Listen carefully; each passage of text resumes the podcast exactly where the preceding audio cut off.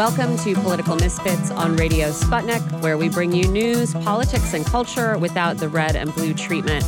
I'm Michelle Witte. I'm here with John Kiriakou. You know what? Not even going to do the hack thing where I pretend there isn't a lot to talk about. For once, I'm Yeah, not going to make that joke. Actually, ridiculous. Yeah, we are for sure going to talk a lot about what happened to Kevin McCarthy yesterday and also what happens next. Yeah, seriously. Yeah. Which nobody really knows. No, Nobody knows what's going to happen next. no. And here's the thing I mean, uh, it, we are going to talk about this in a lot more detail in about uh, 10 minutes, right? Yeah. And so we will get a lot of answers. And I'm sure we will hear about, you know, just how disruptive this actually is, Mm. especially what does this mean for the possibility of an actual government shutdown in Mhm. November. Mhm. If what we get is a Republican who refuses to work in any way with Democrats and we Right. just end up Which is actually likely. yeah at a, at a real impasse Mhm. um and so i think that you know that there very well could be uh, tangible consequences for americans of this Absolutely but also right. as i said i don't know are we stupid as i said when i came into the show this morning i didn't go out last night sort of soliciting people's opinions on this Mhm. but two of my friends from different ends of the political spectrum Mhm. volunteered their perception, which was basically, yeah, good. One of them said, yeah, great, throw the guy out. He wasn't doing what, what they, you know, he, he wasn't delivering on his promises. This is how government should work. The other one Sure. There is something about this that is exciting. Mhm. There is something about this that feels like a process of destruction that maybe, can, well, I'm putting words in his mouth now, but, you know, ripe for revolution, right? Which I take as there must be destruction before there can be reconstruction. Mhm. And so I don't know. Maybe we're all, are we all just being big dumb babies at, at thinking like, I don't know, we, everything feels so stuck, right? Uh, you know, the the entire workings of government feels so uh, fossilized and Yes. immovable that there's something a little bit exhilarating, There even is. though we I agree. know coming soon down the road It's is is maybe disaster. Yeah. You know, the difference, the difference between what we saw yesterday and what we might have seen, let's say, in the 1980s or up to 1995 is that um, we are in far more of a parliamentary system now than we ever have been in the past, meaning that if you are a member of the Democratic Party, you must vote one certain way. If you're a member of the Republican Party, you must vote in another certain way. Yeah. We don't have these, you know, the yellow dogs and the blue dogs and this caucus and that caucus. Everybody falls into line, regardless of which party you're a member of. Hmm. And so, where, you know, for example, Tip O'Neill, the, the Democratic Speaker of the House in the 1980s, struggled to keep his caucus uh, in check because there were conservative Democrats who supported Ronald Reagan's budget cuts. And then conversely, there were liberal Republicans who allowed later on uh, Tip O'Neill to block some of Ronald Reagan's budget cuts. Mhm. That just doesn't happen anymore because if you're a Democrat, you vote this way. If you're a Republican, you vote that way. And that's why the Republicans threw Kevin McCarthy out because Kevin McCarthy said he would work with Democrats, and he did to some extent. Sure. He turned his back on them to another extent. But just the fact that he was willing to negotiate a deal on a continuing resolution or on on a debt ceiling Mhm. was enough to end his political career. And Yeah. that's what we saw yesterday. I'm just not going to crap on people who feel a little bit of excitement over this or over the whole. Um, Just for historical reasons, I, I thought it was exciting. well, and also for people who got excited about the whole GameStop thing, Yeah. right? I mean, Mhm. again, like these are these are huge institutions uh, and and dismantling or or like uh, really fundamentally changing them is going to take Mm-hmm. more than uh, you know a a bunch of amateur traders buying Right. worthless stocks, Yeah, right? Sure. and saving and saving dying companies. But it feels good to do something, right? And I think it speaks to how uh, how impotent a lot of Americans feel to actually affect political or economic change, right? To Yes. actually make their, you know, to be able to put their aspirations into um, make their aspirations reality. Yes. I think it's, a, it's an odd place to be. We're going to talk also about the gag order issued for Donald Trump and whether, you know, I, my my take right now is probably probably on every technical level he deserved it, Yeah. but also politically it has pretty serious implications considering he's running for president. Right. Uh, we're going to talk about this uh, Mississippi eh, either uh, salination crisis or a normal periodic event. and we'll decide whether, uh, I mean, it is true that, you know, salt water creeps into the Mississippi sometimes during Sure. drought cycles. Sure. But all of these normal cyclical events seem to be uh, heightened. Yes. And it's not happening just in the Mississippi. The um, the groundwater in the area of Miami and uh, Fort Lauderdale is beginning to become brackish, Mhm. and it keeps rising. Where it it ought to be fresh water, but it's being infused with salt and forcing it to rise. So whenever there's a storm, flooding happens more quickly, Mhm. and then even when the flooding recedes, the drinking water is salty. Gross. Not good. And that has implications that go beyond, oh, you have to just buy bottled water for a couple of days. oh yeah, yeah, yeah. We'll talk about that. We will talk about this uh, new migration feud, this time between Illinois Democrats and the White House. Um, we'll talk about Ukraine and the EU and what stands in the way. It is kind of funny. Uh, also, as I walked in, CNN had a chyron saying the Ukrainian embassy was in talks with the different candidates for House Speaker. Oh my God. Because of course, Ukraine funding is a huge part of uh, you know what brought us Yeah. to this point anyway. Right. I would call that interfering in the internal affairs of a foreign country. What does that mean? Joe me. Biden is a Ukrainian agent? I can't believe you're saying that, John. Uh, also, we got a couple of unsettling bits of transportation news. Mhm. The first one is from the Wall Street Journal uh, that reports that Delta, Southwest, and other American airlines are checking their fleets after uh, regulators claim that a small broker that sold parts was selling parts that had forged safety documents. Mhm. And so far, uh, the questionable parts have been found on about 100 aircraft. American Airlines, United Airlines, and Southwest have pulled aircraft from service. Delta Airlines said it's removed a small number of engines from service and is changing out parts to address the issue. Um, but yeah, there's this airplane parts broker, AOG Techno- uh, Technics, who is being sued by General Electric and an engine partner, saying that the company falsified documents to sell engine parts to airlines on a large scale. You know, uh, there was a Delta whistleblower about two years ago who alleged that this was happening. It was briefly investigated and then just dismissed. So here we are two years later, and it was all true. I mean, what kind of what kind of Sick. sociopath do you have to Yeah, be to falsify? exactly. I can understand. I can understand committing a lot of of crimes. You know, it- you know, you create, you know, paint me a picture, and I can understand how you can do this criminal thing. But saying like, yeah, I'll falsify your safety records for Mhm. airplane parts Yeah. and just send them out into the the, chances that you'll fall out of the sky and die en masse are probably small enough that it's worth putting a few bucks in my pocket. Yeah, I mean, depends on how far these different little parts go. Mhm. yeah.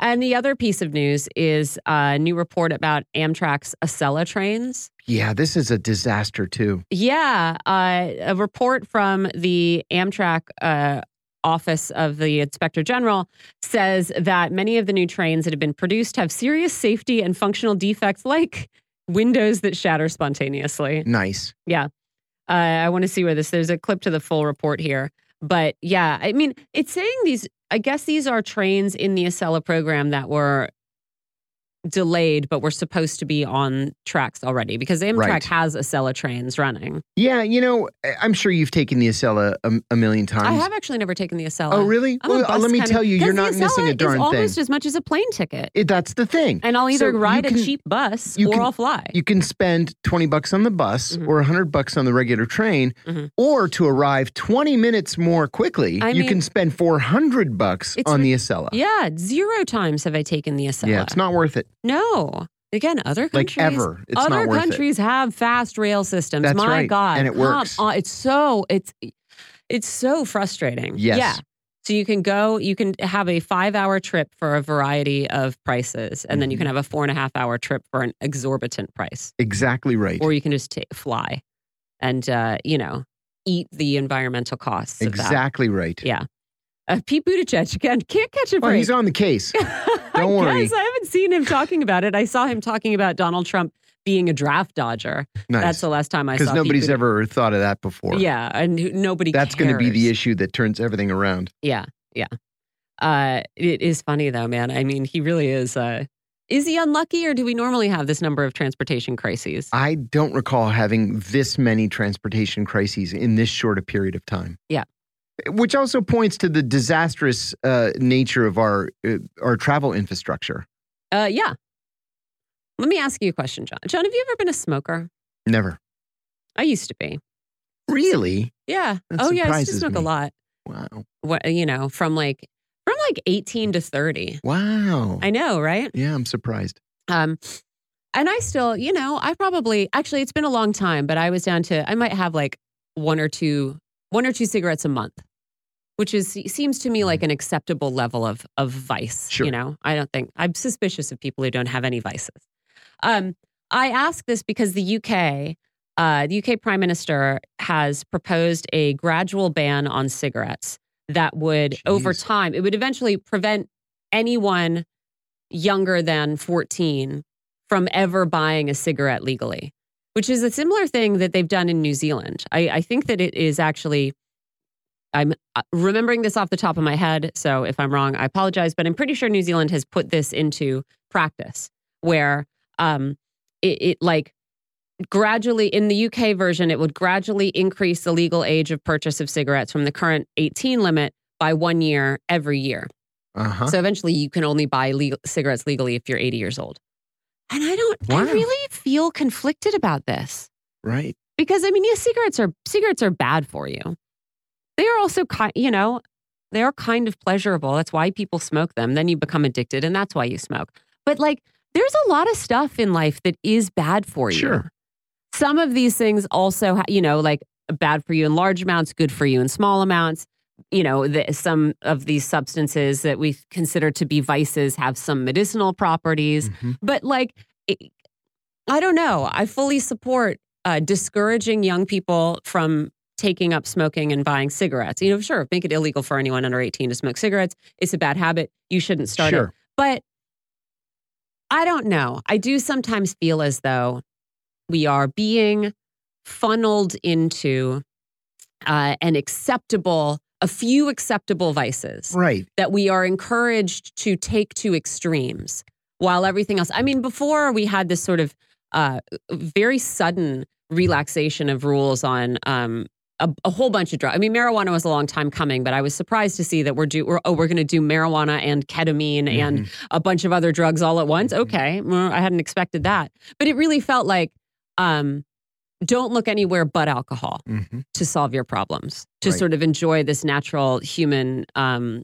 you know drive to get intoxicated once in a while Mhm. alcohol is bad for you Sure it is. i mean arguably you know i remember there were a couple of studies a while back saying like a little bit of red wine a glass of red wine Right. is good for your heart but there have Right. also been studies that um, contradict those Mhm. and say that al- alcohol is just bad for you Mhm. there is nothing there's no, no health benefit to it Yes. but You so know, why but are we not going to do you know why are we not going to ban eventually totally ban alcohol Right. Or ban high sugar sodas or Yeah. ban cake or, Yeah. you know, because bad for you obesity kills you too. Sure. Yeah, there's all kinds of stuff. Why is, should anyone be allowed to walk a tightrope? Exactly. You know, actually, Yeah. nobody can nobody can climb rocks anymore because you, you Right. know the, You the chances fall. of falling are too high. That's right. Yeah, it just feels a little bit creepy. I don't know. I'm not going to say that I'm, you know, I'm not opposed to regulating cigarettes. I don't think people should start smoking cigarettes. I do think it's bad, but it is weird when states start picking and choosing. Here are the destructive things that you can do, and here are the destructive things that you can't do Mhm. because you just always kind of wonder why. And it has always felt in the US like we really, really celebrated binge drinking in an in a way that was unhealthy. Mhm. And we maybe could have avoided if people had been encouraged to have a variety of options for taking the edge off from having time to play a soccer game with your friends to being allowed to smoke a joint at home to being a, you know having a drink and going out and being social right but not just Mhm. one of those things in excess every day Right. i don't know Right. creeps me out a little bit. I would agree. Um, there was another. Oh, you know what?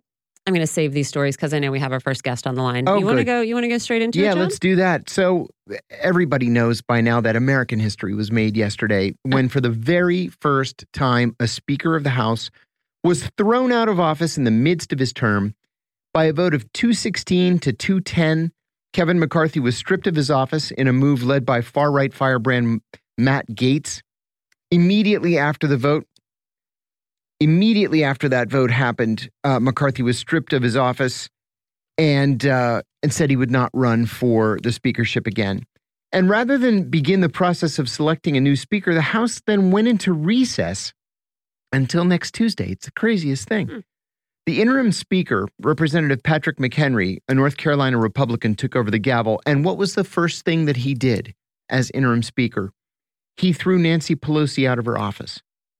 I don't understand that at all. Priorities, I guess. So here's what happens next Republicans will have to choose a new speaker. The likelihood is that this will be Representative Steve Scalise, the current House Majority Leader. But Scalise is suffering from cancer. He announced a few weeks ago that he has multiple myeloma, which is a very serious and often deadly form of cancer. And it's unclear if he's physically up to the job. Representative Jim Jordan, the chairman of the House Judiciary Committee, uh, said just about an hour ago that he will run for Speaker. And Representative Tom Emmer of Minnesota is said to be interested. Other Republicans are mentioning Representative Elise Stefanik of New York, who's currently the chair of the Republican caucus. All of these members are prominent McCarthy supporters. In any event, nothing is a given. Republicans in the House are in a state of, of chaos, and nothing will be decided until at least next week. And until a new speaker is chosen, no new business can be transacted in the House. And remember, the clock is ticking as time shortens to come up with a federal budget. They have 42 days left. The judge in New York presiding over Donald Trump's civil fraud trial implemented a gag order on the former president yesterday after he essentially doxed the court clerk, releasing a photo of the clerk with Senate Majority Leader uh, Chuck Schumer. Trump said that she was Schumer's girlfriend, that she was biased against him, and that she and the judge were colluding against him. Trump followers on the Truth Social site that Trump co-owns and uh, and uses then posted the clerk's address and phone number. Judge Arthur Engoron warned Trump that there would be significant consequences if he violates that gag order. We're going to talk about this with Bruce Fein. Bruce is a former Associate Deputy Attorney General of the United States, and he's one of the country's leading constitutional scholars. You can find his work at www.brucefein.substack.com. Bruce, welcome back. Thank you. Well, thanks for helping us understand the background to these truly unprecedented actions. Bruce, you've been in Washington a long time. No House Speaker has ever been deposed through what was essentially a no confidence vote until yesterday. So we are in uncharted territory. There's an interim speaker, Representative Patrick McHenry of North Carolina. So walk us through what happens next. How is it that a new speaker will be chosen? First, uh, let me at least add a footnote to your first statement that the unprecedented nature of a motion to vacate ousting an incumbent speaker. Um, I was involved myself in uh, drafting a motion to vacate, Uh-huh. and John Boehner was the speaker. Right? Now, John Boehner didn't wait for the vote, Right. He resigned first. but he clearly resigned with a sort of Damocles over his neck. Right. the same way that Nixon resigned rather than face impeachment trial, right? And in 1910, uh, then uh, House Speaker Joe Cannon, Yes. he had his powers stripped. Now, it's true they didn't vacate the chair, but his powers uh, were enormously scaled back. Uh, so there have been revolts, but even two prior incidents doesn't make a pattern, you know, because you were spacing it out over 123 years. Sure. So it, uh, this is unusual. Now, a couple of other background understandings. First, the Constitution does not require that the House Speaker be a member of the Correct. House. Yes. So it could be anyone else. In fact, thing- Vivek Ramaswamy said yesterday that he would encourage Donald Trump to become the Speaker of the House.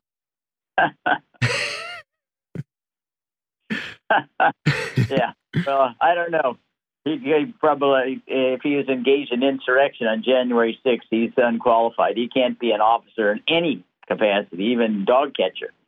Uh, but putting that aside, it's an earmark of, I think, his arrangement as a candidate for the presidency and why Donald Trump remains the front runner because all of his rivals are subanemic or less Right.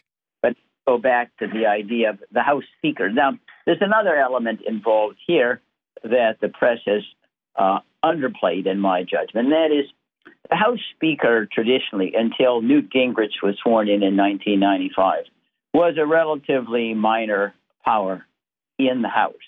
The vast majority of authority uh, was entrusted to the chairs, the committees of Congress. I mean, as I were here, the chief, the one most powerful in all of Congress was Wi- Wilbur Mills of the Ways and Means Oh, sure. You know, John McCormack was the House Speaker. Nobody even knew his name was. uh, and the House, the chairs and the committees and the Rules Committee, they decided the order of proceedings, you know, what amendments would be entertained, what bills would get to the floor, what hearings would be held. Uh, now that changed with the what you would call the Gingrich revolution or counter-revolution against the legislative branch. When Gingrich came in, he migrated virtually all power to the Speaker. Speaker appoints the committees, the committee chairs, regulates what gets to the floor, how much time there is for debate, regulates and stipulates what the Rules Committee should do, um, and also um, uh, gets a lion's share of money in campaign fundraising to fund other members. Now that's that was a rule change. The other thing that Newt Gingrich did to strengthen his hand was that he slashed the budget of all the committees, so they couldn't hire anybody. They couldn't retain talent that would establish what you might call a professional corps of aides, you know, who could challenge leadership because they mm-hmm. had expertise. Right. Now, with budget slashed, most members' staff stay no more than a year or two, so they basically have no more institutional memory. Then, and typically they're 25 years old, 26 years old, chiefs of staff. So, since Gingrich, it was 1995. You know, his successor Pelosi. No, but no speaker has surrendered back the power, but the power can be taken back by the by the members themselves. They write the rules. Mhm. And now we have a vacuum here. There's no leadership now. The acting speaker is just not got authority to do anything other than uh, hold votes for the successor to McCarthy. And I think it would be much easier to find a consensus candidate if the power of the speaker was slashed, which I think it ought to be. Mhm. Right now, we have the speaker running over, does a deal with the Schumer on the Senate side, where the president comes back with a 3,000 page bill and says, hey, vote on this one, $2 trillion appropriations measure in 24 hours. Right. You know, so it's really the deliberative process has been totally compromised. And if that is done, it'll make the choice of a successor much easier because the stakes then become much lower. But then putting that aside, I think um, you were incomplete in suggesting the Republicans necessarily will be choosing the successor. Remember, the House Speaker is by a majority of vote of the House members, which Right. includes Democrats as well as Republicans. Indeed, it's kind of ironic. It was the Democrats who threw McCarthy out, not Republicans. Yeah, that's right. Only eight defects on the Republican side. Yes. The Democrats got rid of McCarthy, Mhm. not the Republicans. So it's possible, and and this we saw this kind of coalition emerge in in passing the 11th hour on last Sunday uh, budget, you know, interim budget bill to give us 45 more days before the government might shut down. There you had more Democrats than Republicans voting Mhm. for the bill. Right. Um, and it may well be that the Democrats will uh, collaborate with Republicans and find a new speaker. It won't be simply someone who's selected solely out of the Republican ranks, which I think if that's the case, it's going to be a long, long day before there's a consensus, to be candid. Well, Bruce. The other thing find resistance to, and I apologize for going in. No, so sorry. Right Go ahead. The rule, a single member can initiate a motion to vacate. After seeing what happened to McCarthy, a successor, in my judgment, is going to say, "I'm not living under a rule." Absolutely. Like I'm, not gonna, I'm not accepting the job under those conditions, and that could be a make or break deal. Certainly with something like Matt Gaetz. So we have all these imponderables around. So it's going to be chaotic for a while. I think this is going to hurt the Republicans because it suggests that they really don't know how to manage themselves, even though it was really the Democrats who threw McCarthy out. I think the public perception is the opposite. So the Republicans are going to have to scramble, which might cause them to compromise because all they really care about in the long run is staying in power and not losing to the Democrats in 2024. Right. Bruce, if the new speaker is unwilling to work with Democrats or is unwilling to negotiate in in conference committee on legislation, uh, because we know that whatever legislation comes out of the House is going to be different uh, from the legislation that comes out of the Senate. Then Washington's going to grind to a halt. What will that look like? How does necessary legislation, like the federal budget that's going to come due in 42 days, end up getting passed?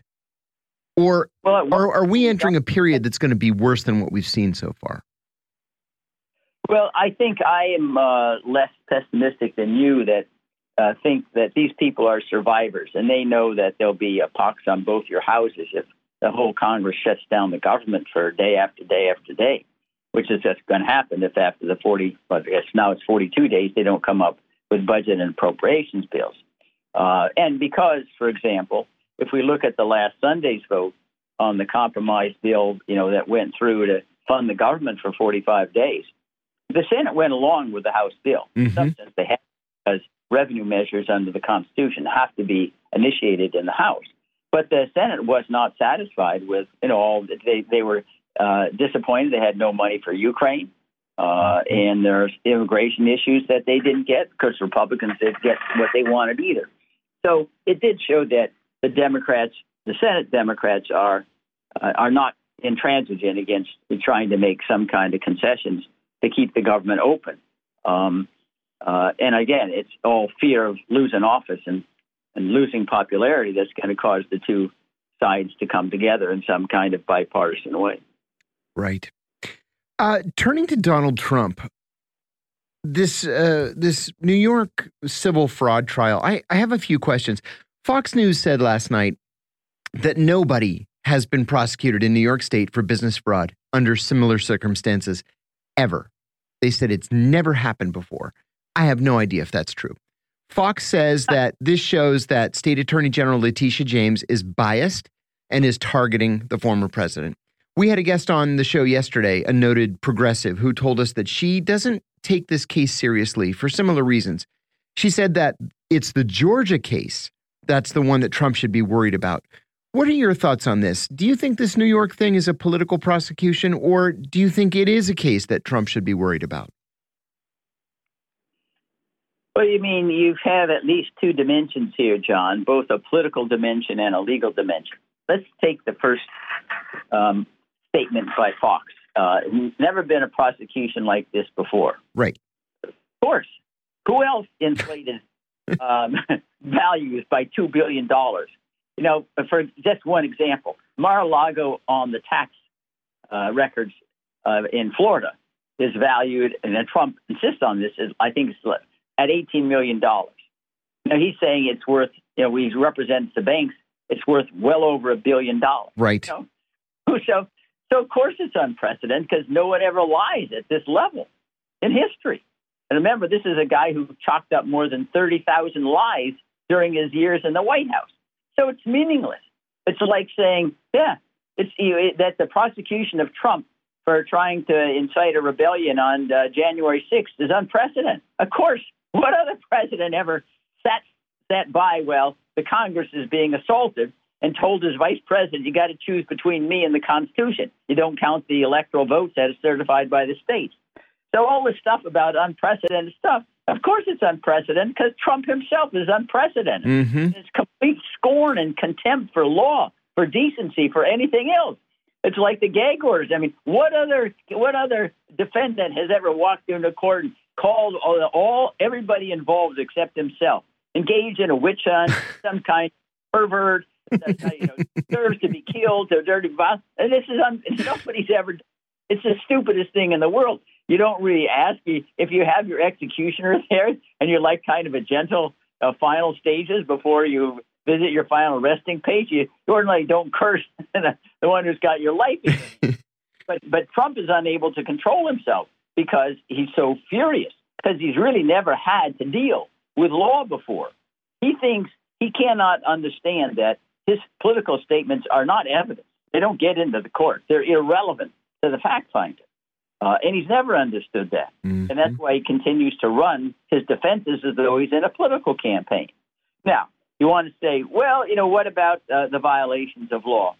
Uh, it, it's not unusual, John, in the law uh, because there are very strict elements of uh, uh, uh, of evidence that occasionally people get charged and convicted of one crime when really the motivation was another one. Take, for example, Al Capone, the gangster. Sure. Out in Chicago.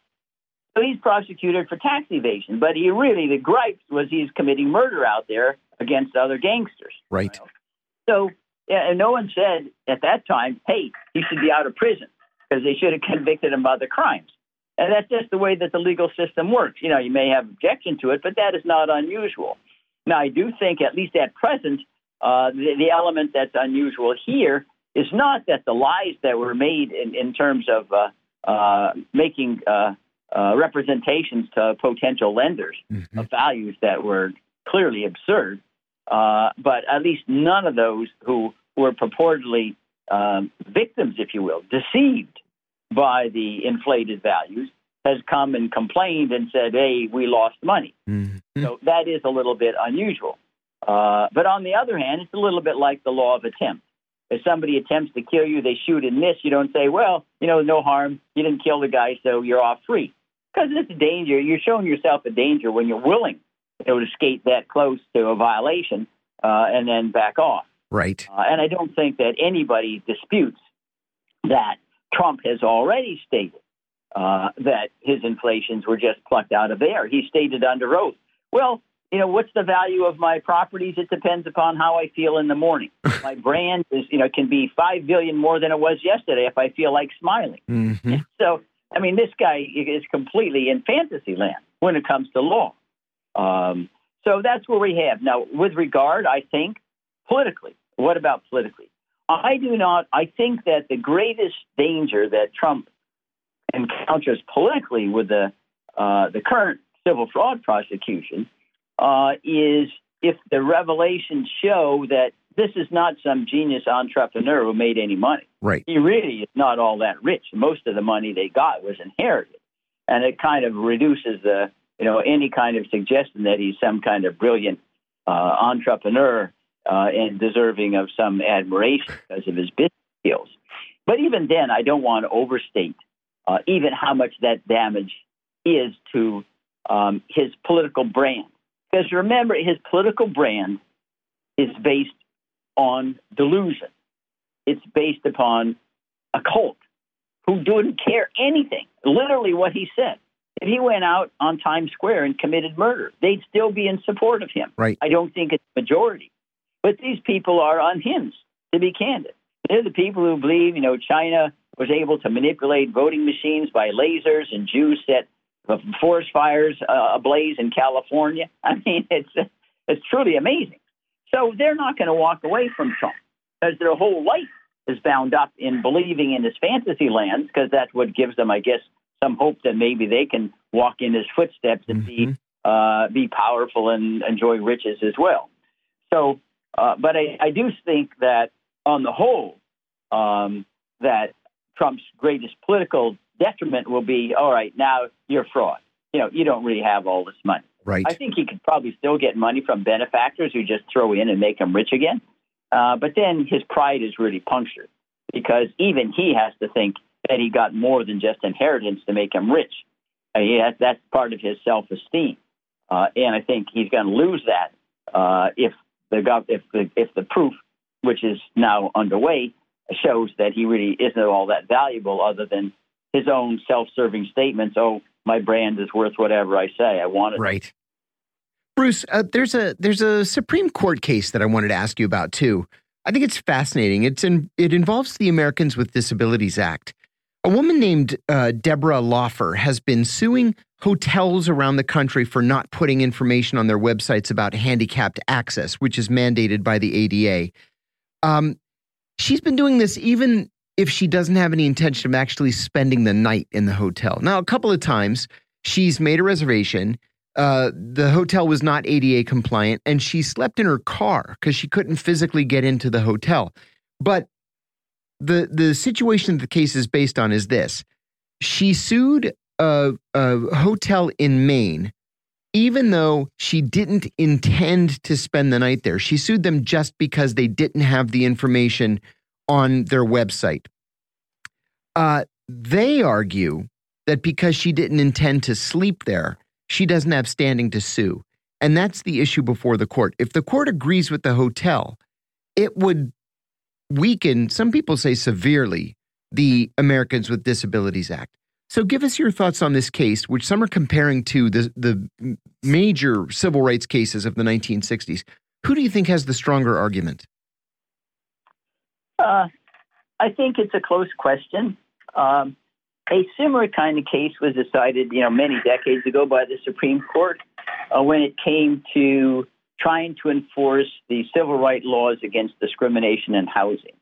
Uh, when there mm. were testers that would go out and they would visit real estate agents and ask, okay, is this uh, property available? Is that property available? And they had black as well as white testers, and they say, hey, they wouldn't show certain homes to the black testers, but they would to the white testers in order to show that there was discrimination afoot.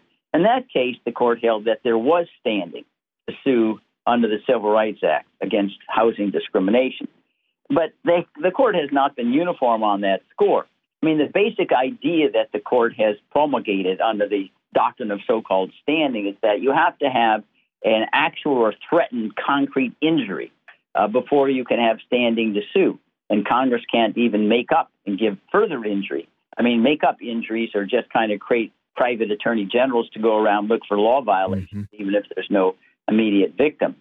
Uh, now, here, I mean, uh, it seems to me that she could say, well, even if I don't, I, I, once I was able to ascertain uh, that there isn't any accommodations, I'm victim because then I was going to, I'm obviously not going to go make a reservation at a place where I know that they can't accommodate me. If I am to guess here, based upon the conservative nature of the court and what they've done on other similar cases, she's going to lose and they'll just say, "Hey, they those who are actually handicapped, they can sue if they actually go in and they're not uh, you know, not compliant with the accommodations that the ADA requires." Uh, but we just aren't going to permit uh, Don Quixote types to go out there and um, and enforce the law uh, when no one actually has been hurt. I think it's unfortunate. Um, obviously, uh, this is not something that requires an enormous amount of expense uh, to just identify, you know, okay, this is the handicap uh, uh, facilities mm-hmm. that we have. Uh, so if if we want to have, I think, competition fairly among all these facilities, they all ought to be playing by the same rules, and whoever is suing uh, and they're in violation um, should have to pay up. Bruce Fein, thank you so much for joining us. Bruce is a former Associate Deputy Attorney General of the United States and one of the country's leading constitutional scholars. You can find his work at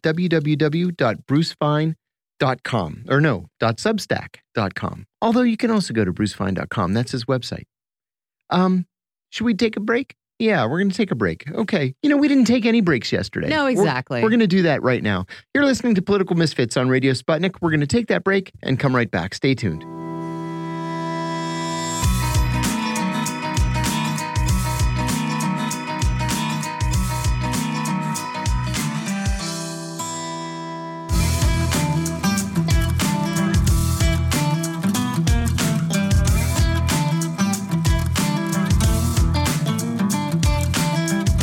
Back to Political Misfits on Radio Sputnik, where we bring you news, politics, and culture without the red and blue treatment.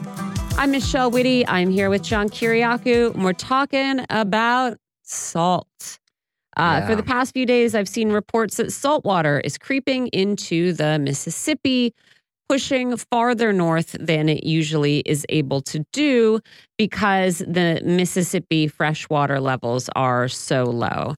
This could become a serious problem. And sometimes when you talk about these phenomena, you know, they could become serious problems in a year or in five years or in you know 10 years uh, but no projects or projections by the army corps of engineers suggest that saltwater could reach water intake facilities in southeastern louisiana towns by uh, like october 14th mm-hmm. before the end of the month New Orleans water supplies could be affected. There are already places in the state where people are relying on bottled water to drink. Now, as the Army Corps of Engineers presents these projections, it also says the intrusion of saltwater upstream in the Mississippi River is a naturally occurring periodic condition. So, we're going to talk about whether this is much ado about nothing, uh, whether this is a normal iteration of this periodic condition, or whether we should see something more here. We are joined by Guy McPherson. He's professor emeritus of natural resources and ecology and evolutionary biology at the University of Arizona. He's also got a PhD minor in agricultural economics. Thanks for joining us, mm-hmm. Guy. Thank you, Michelle and John. It's a pleasure to chat with you again. Welcome back. So can you can you talk to us about what is happening along the Mississippi in Louisiana and and whether we should see this as part of uh, normal cycles or not? This is hardly normal. The intrusion of saltwater from the Gulf of Mexico up the Mississippi River, River does happen periodically. However, we're in the midst of a serious drought, the likes of which we haven't seen on this continent for more than a thousand years.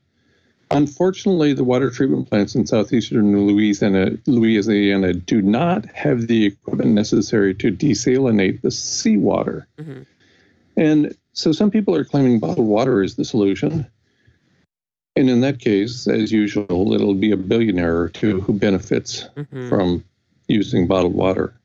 In addition, it takes a lot of bottled water to wash the dishes and the laundry, never mind to take an occasional bath. Now, you mentioned infrastructure and agriculture. Saltwater is corrosive, so it will damage the pipes. How soon and how badly depend upon how long the contamination continues. Perhaps most important, importantly, with respect to agriculture, is that the Mississippi River is fundamental to agriculture in this entire country. Not only does the river provide the requisite water, but the Mississippi is critical to transporting grains to the world. Without the ability to grow, store, and transport grains, this set of living arrangements disappears. And that's what we're talking about here in the worst case scenario is the inability not only to put water on the grains grown in the Midwestern part of the United States, but also to transport them. So this is a big deal. Mm-hmm. Yeah, I mean, it, it seems like okay, sure, if we're just talking about drinking water and it's super short term, you can buy bottled water. And as you say, a, a, couple of billionaires are going to profit. But it feels like a much bigger problem. It was interesting to me that um, there's a physical underwater barrier down near the mouth of the Mississippi that was built with the intention of preventing salt water from flowing into the river. And the Army Corps of Engineers, uh, as part of its approach to this problem, is going to try and elevate it. But I mean, one, they say even this new threshold is soon going to be breached. And again, it doesn't feel like. I mean, yeah, okay, sure. Build build a wall to keep the sea from coming in is a is a short term solution. Is there is there something else that we should be attempting here? Well, I, I, hate to say these words, but maybe we could use less. Oh, wait. Oh. This is oh. America. yeah. Yeah. Conservation is clearly out of fashion. Never mind the seven generation approach used by the Iroquois Confederation. We are encouraged by politicians to consume, consume, and then consume some more. And to, to turn that around, to suddenly try to convince the populace in this country that consuming is out of fashion when that's all we've ever been encouraged to do, mm-hmm. I'm not sure that's going to go anywhere. In, in addition, you know, if we talk about preventing serious problems in the future, that's going to require some vision. Do I need to say more about that? I mean, no.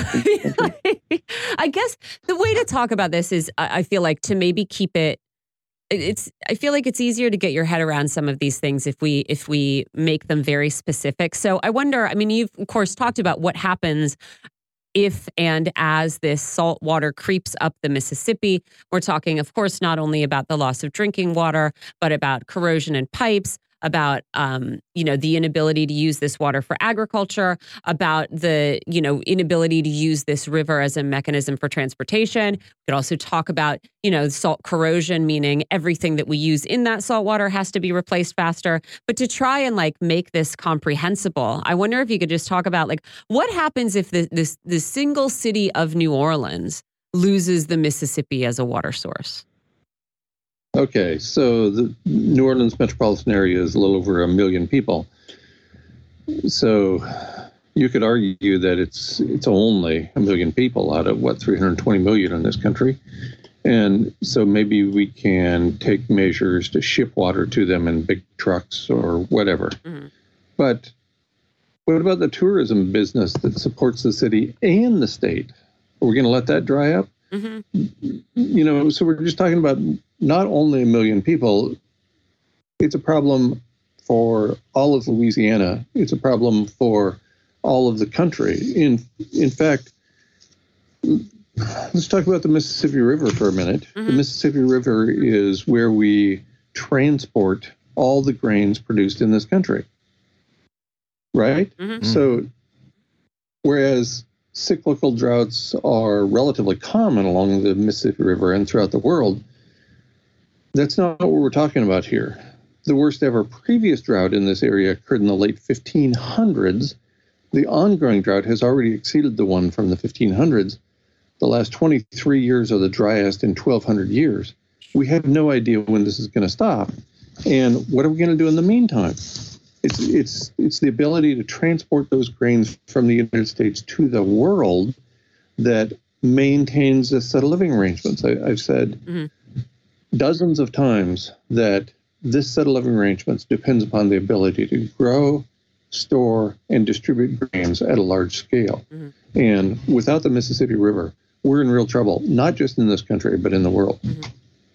You know, you uh, you joked about vision earlier, but I do have to ask uh, the White House has declared this saltwater intrusion a federal emergency, which is going to free up funding for relief efforts. But again, you know, you we are talking about it feels like we're in a in a cycle of constantly constantly relieving and never really addressing right and so i wonder if you if you see anything in in the response to what's going on along the uh, the mississippi river that goes beyond just immediate relief to you know, a- attempting to prevent the problem. I know you've said we, we have not heard Joe Biden come out and talk to us about how we need to consume less water. Maybe there are other things that he could be doing that he's not. It, one of the downsides of disaster capitalism is that when you have a disaster, there's no legitimate response. Yeah. And that's where we are you know, much of the state of Florida is at or slightly above sea level, and as a result, Florida represents the bellwether in in this sort of situation. Southern Florida is plagued with cases of salt saltwater intrusion into the freshwater, mm-hmm. and it's it's costing a huge amount of money to clean up that problem so that Florida can deliver potable water through the taps. Other states are affected too, including much of the coastal area in the deep south Aquaculture is being impacted in Maine. Coastal forests throughout the northeastern United States are threatened. Tidal flooding is on the rise as a result of abrupt climate change, with negative effects negative effects throughout coastal areas in the entire country. And all that aside, let's think about the long-term implications for Louisiana and for the country. Mm-hmm. I don't know about you, but I thought access to potable water was the primary promise made by politicians to the citizenry of every reasonably developed country. Mm. Food is item two, but to even imagine our drinking water being contaminated beyond the point of being potable is an absolute nightmare, mm. isn't it? I mean, we're supposed to be the greatest country in the history of the planet. And we're talking about the inability to get water to people? This is insane. Yeah. Why do you think? I mean, again, we have the Army Corps of Engineers saying, "Oh, don't worry, this happens every year, guys. It's just happening a little bit more intensely right now." Um, but if, as you say, you know, this is the worst drought that we have experienced in the last 1,200 years, uh, uh, why doesn't that play more of a role in some of the reporting on this? Like the fact that, yes, it just feels like people haven't quite figured out how to report on, yes, this is a thing that has always happened, but the extremity of it is what's different. Yeah, you, you, know, one of the things that's a difference is is that it's not a Mississippi drought; it's a continental drought. Right. This drought has already affected every state in the continental United States except Rhode Island, New Hampshire, and Maine. Hmm. There's no end in sight. This is one of the results of abrupt, irreversible climate change. According to a report from the Intergovernmental Panel on Climate Change published on October 8, 2018, quote, even geophysical events do not approach current rates of human driven change, end quote. In other words, anthropogenic climate change is occurring faster than when an asteroid struck the Yucatan Peninsula about 66 million years ago. That mass extinction event caused the extinction of the dinosaurs and many other species. And we're talking about something caused by the collective mass of humanity mm-hmm. that's worse than that. How do we deal with that? We've never been here. I don't know how to deal with it. You know, we could ask people to stop consuming, but I don't think that's going to happen in this country or throughout the entire first world. I don't know. I don't know where we go from here. I'm like like I've spent so much of my time in my life, I'm at a complete loss. well, at least we'll, we're all in company. I, I so when you say like continent wide, do you think I mean maybe step one is when people are reporting on the drought in the Mississippi River, you know, do you think that this should be explicitly connected to the ongoing uh, water crisis in the Colorado River and the groundwater uh, depletion that is just starting to to get some reporting because I see these consistently reported on as discrete events. Right? There's this drought in the West. There's this thing happening in the Mississippi that's a little bit weird, but getting less attention. And then there's this sort of groundwater issue that's just starting to get attention. And is this what you mean by like, we should see this as a continent wide drought, not there's one drought happening in the west there's one drought happening in the east there's one different thing to do with water happening over the whole country and let's all keep talking about them in our sort of separate specialized areas right absolutely because this is a large scale phenomenon that we're dealing with at this point this is not a little bit here and a little bit there mm-hmm. this is at this point this is everywhere this is worldwide the disasters i mean take a look at the news every day Every place that it's not flooding, there's a drought. Every place that there's not a drought, it's it's feast or famine, and we have never had to deal with this before, so we didn't build the infrastructure to deal with it. Right? I mean, yeah. we we built infrastructure for the hundred year flood, and now we we have a thousand year flood every six or eight days. It's insane, yeah. and so we're not set up for it. We we didn't build the infrastructure for what is currently happening. And I don't see us having the vision or the time to redevelop redevelop the infrastructure for the even even the long term, much less the short term. Mm-hmm. We got so many people consuming so much of everything on this planet that it seems like to me that it's a little late for turning the ship around. The, the ship already struck the iceberg and it's going down. Yeah. I don't suppose it's even worth asking where we are in terms of desalinization. Uh, salinization is that it? Desalinization uh, technology. Yeah, it's uh, it requires an enormous amount of energy mm-hmm. to desalinate water, mm-hmm. and not only that, but you're left with a huge mass of not just salt, but salt infused with heavy metals that are incredibly toxic. So it takes an enormous amount of energy. It seems that we passed the um, peak for all energy extraction in the world mm-hmm. two or three years ago.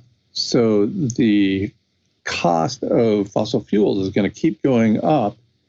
And we're going to use that fossil fuel to fix this problem in time for the next problem, and then in time for the next problem. hmm I mean, it, it does sound like kind of a familiar pattern. I'd like to not repeat it, but you, you know, you ask it as though that's unthinkable, and I would say, eh, maybe not. You know, I mean, um, isn't that? Oh God, we were John. We were just talking about this as an. Ex- I can't remember what it was now, but um, you know, burning more fuel to get the water out. The I think oh, it was with Oh, yeah. fracking, and we were talking about fracking and water use with fracking. Yeah, Yeah. how we're going to use more and more water to frack the oil that is Right. causing our water to become uh, ever more sort of depleted and Yes. and unusable. Yeah, Yes. Great, terrific. Yeah.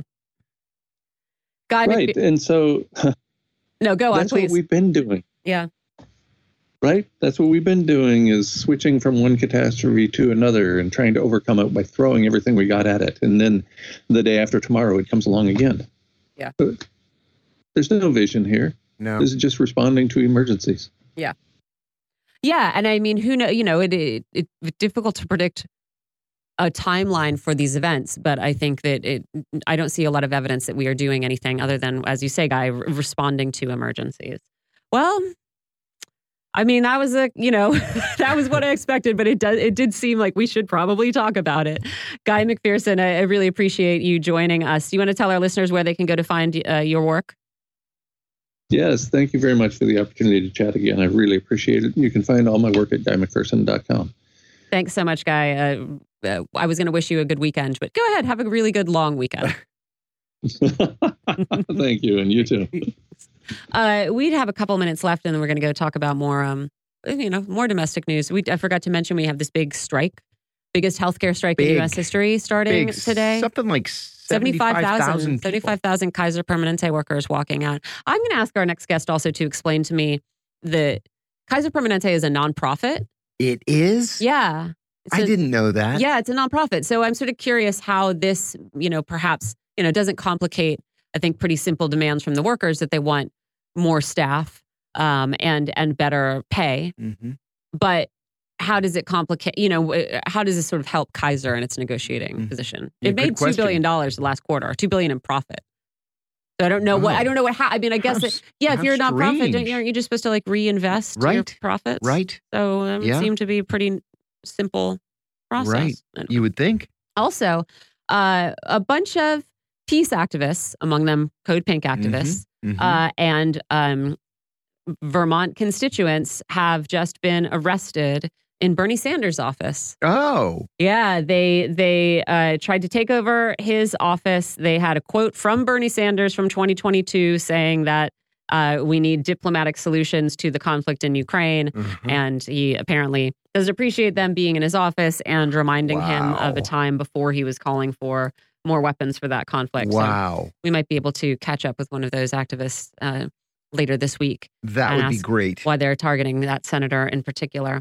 Yeah, I think we're going to take a quick break now. Yeah. We'll come back and Great. get into all of this. You're listening to Political Misfits on Radio Sputnik. We're live in DC, and we'll be right back.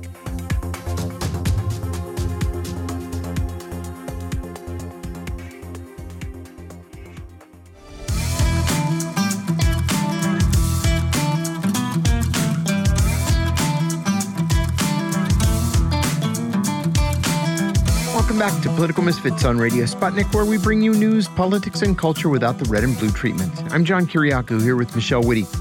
As we noted in the last hour, the ouster of a sitting House Speaker in the midst of his term is unprecedented in American history. Kevin McCarthy became the third shortest serving Speaker ever, and the first to be thrown out in what was essentially a no confidence vote. Today in the press, we're seeing words like chaos and collapse.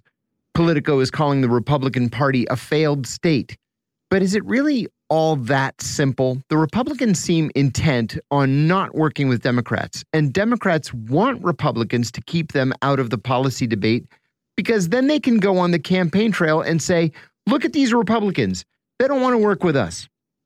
But in the meantime, nothing gets done.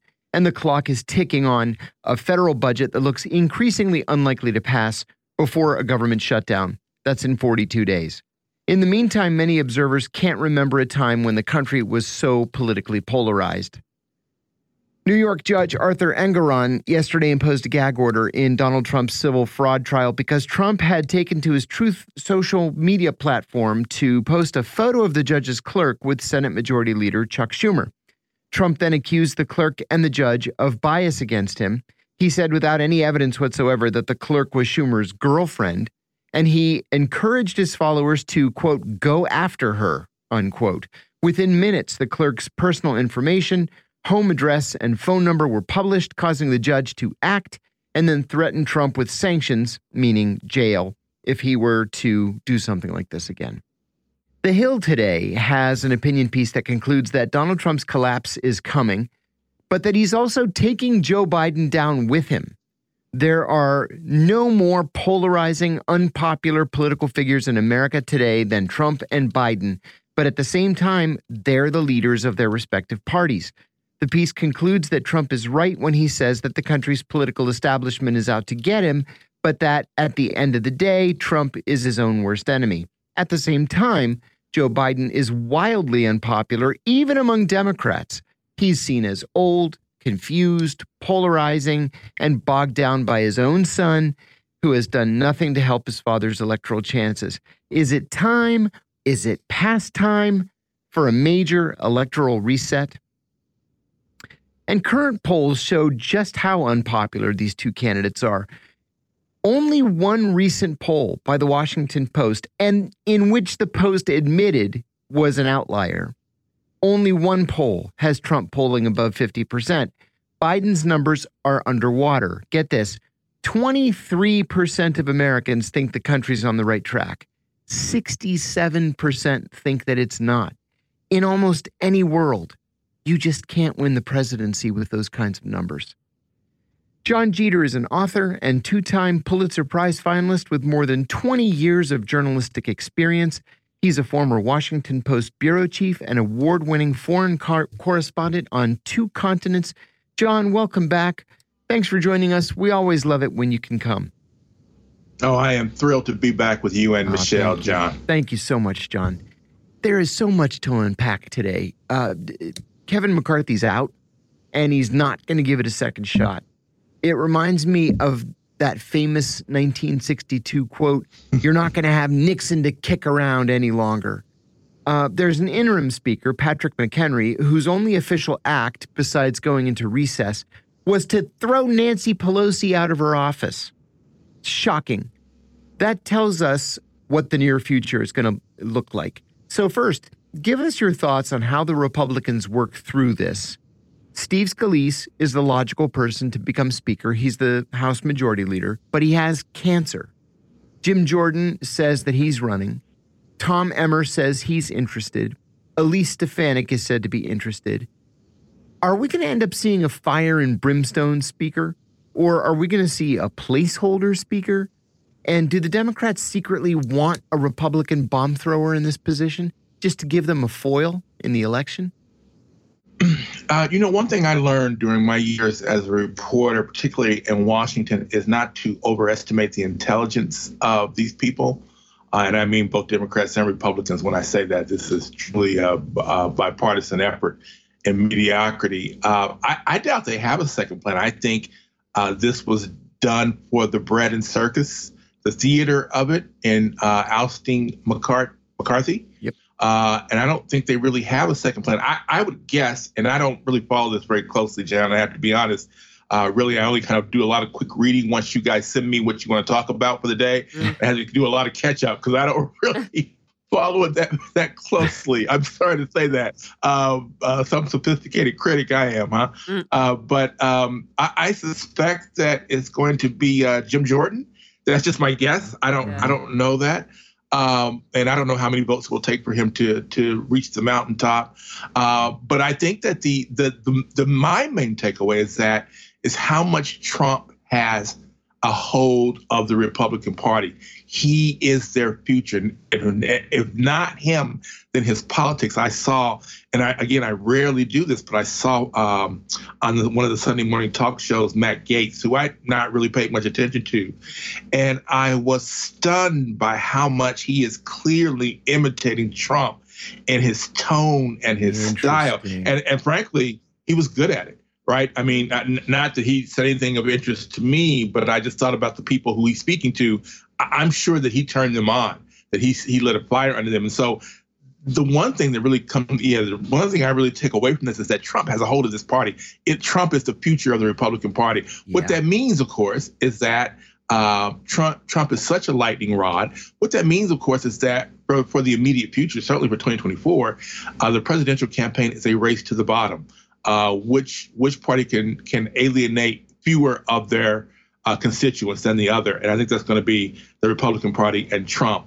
Uh, the Democrats, I think, have even less of a plan than the Republicans. Mm-hmm. Uh, you know, they're they're clearly shedding their base, which is Black voters and Latino voters, uh, to a, uh, uh, a, smaller extent, and they don't have a clue, or they should have a clue, right? It's like you, if you do something for them, maybe they'll come out and vote for you, uh, but they just don't have a clue. So they're relying on they're playing this game with the Republicans, and I don't think they even have as as as firm of a grasp on this game mm-hmm. as the Republicans do. They just don't know sort of where to go, right? Because they they're so unprincipled. I mean, if, if it was you or I or Michelle, mm-hmm. we would say, well, maybe we should do something for them and we'll get their vote. But they don't. They're not critical. They're they're barely sentient beings, you know, let alone critical thinkers. And so I, I just don't. This is a this is chaos, and you know we make light of it, but and I don't want to be alarmist. I don't want to predict what's going to happen. We don't know. You can't. Anyone who says they know is a liar or a fraud, right? But I, I, I cannot be the only one who notices how what's happening in 2023 is very similar to what was happening in 1933 and in the last days of the Weimar Republic. I just can't be the only one who notices that. Um, it, I, I don't know if it's going to turn out that way, but there's a lot of similarities from debt to this increasing tribalism uh, to this demagogue um, you know, uh, who they're trying to put in jail, uh, which they did with Hitler. Mm. Uh, all these things are very similar to what happened in, in, in, the last days of the Weimar Republic. I mean, What's going to happen next is no telling, but it's it's bad. It's almost certainly bad. Yeah. In that light, you can find some of these efforts to uh, complexify the history of the Second World War even more sinister mm-hmm. than they already are. Yeah, yeah, I think so. I, I, think I think this is um, this is kind of a wake up call, right? Uh, I can't remember the writer who says at some point you you have to pay homage to reality, and we've yeah. really been ignoring reality, certainly for the last thirty years. You know, we, yeah. we we've just got this we've got this broken political political economy, which we call a democracy. Yeah, it does not respond to the people's needs and wants. Right, that's what's happening now. People are crying out for for for help, and uh, you know uh, at some point they're not going to be crying out; they're going to be demanding, and at some point they're not going to be knocking on the door; they're going to be bursting through the door. And so, you know, this is just sort of a, a, a realpolitik mm-hmm. of uh, class politics, and we're seeing it unfold here in the United States. Yeah, I think uh, I think that's right. What do you think all of this does for the prospects of a government shutdown in 42 days? Republicans seem to be adamant that they simply will not work with Democrats they were angry that Kevin McCarthy worked with Democrats. But that's not how government works. That's not how we are governed in the system that we have. We have to have a budget, period. That's the only way that the government can continue to work. So, what should we expect to happen in mid November? Yeah, I, I, expect a government shutdown. I was surprised I that they avoided it I avoid, that they avoided it just uh, over the weekend, and, and and it's very telling that it cost McCarthy his job. Um, the, the, Republicans are very serious. Uh, I think they smell blood in the water, mm-hmm. rightly so. Uh, the Democrats don't have a counter. You know, their only counter is we're not we're not the Republicans. We're not Trump. That's their right. only counter. I expect a government shutdown, uh, and and I don't know where that's going to go because we really have two uh, recalcitrant. Um, parties here who are have retreated to their corners and don't want to come out. And you know, for all this talk about American democracy and the American people, they don't give a flying flip about the average American. Let's just be mm-hmm. honest about that. Mm-hmm. Neither party does. Um, and, and and and let me say this too. And and not the not white Republicans, not black Democrats. You know, uh, uh, who's my man from New York City who flipped the alarm? I, you know, I, oh, I don't yeah, really care about that, Jamal right? Bowman. But yeah, Jamal Bowman. Yeah, I mean, I don't really care about that. I mean, it's like it's much greater sense for us to to deal with than flipping the fire alarm uh, um, on Capitol Hill. But Jamal Bowman doesn't give a flying flip about uh, any of his constituents, black or white. So, Mm. you know, this is what we really need to deal with. I hope at some point, very soon, the American people wake up to this. I'm not, I'm not completely confident. Yeah. Although at some point we have to, right? I mean, when we hit rock bottom, which is which is pretty close, Yeah. I think Mhm. people have to sort of, you know, go to Plan B. Um, but we're, I, I just think this is we're in for a really chaotic time. Uh, really, I think dangerous time. The next year, uh, almost exactly the next year, it's going to be a really dangerous time. I, I fully expect to see Donald Trump return to office. Um, but but you know he's he's he's shooting himself in the in the foot with some of these comments he's making, which I think um, uh, you know he, he might be going too far even for him. So uh, Yeah. who, who knows? I, I just you know I if it weren't so tragic, I would I would repeat the old Terrell Owens line: "Get your popcorn ready." But this is not this is not going to be anything fun to see. John, what about this idea that Democrats want Republicans to fail, even if it hurts the country, uh, vis-a-vis the shutdown, just so that they can point to Republicans and say, as we've said in the past, vote for me because I'm not the other guy. Do you think that's an actual strategy?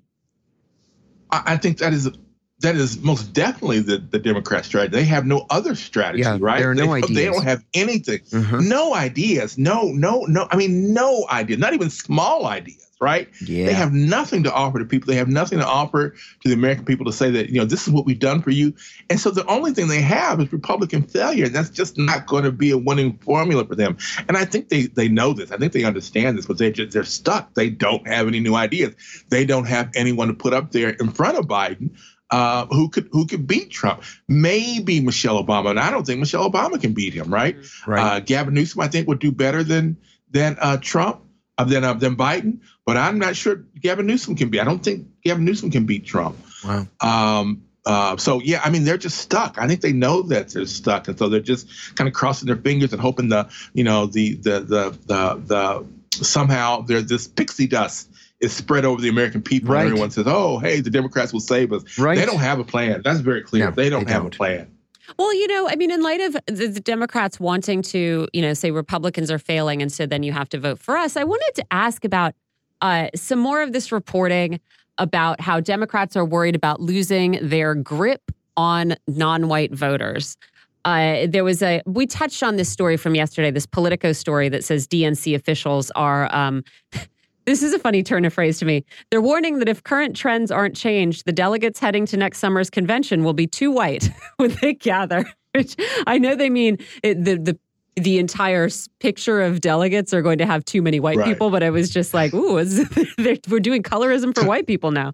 Um, Convention too white, right? but but you know the the story goes on and it quotes like official after official after official saying like boy we're really backsliding on our diversity goals and we we don't know why. We're all trying to figure it out. That we're losing black delegates we're losing latino delegates we're even losing uh, lgbtq delegates and we just can't figure it out. And it had some um, surprising suppo- uh, statistics about biden's support. Um, his support among black voters last month was as low as the low 70%, which is down from getting 91% of the black vote in 2020. Among Hispanic voters, his 28 point margin in 2020 has dipped to a single digit advantage. And uh, the Democrats are worried about it. And I wanted to ask.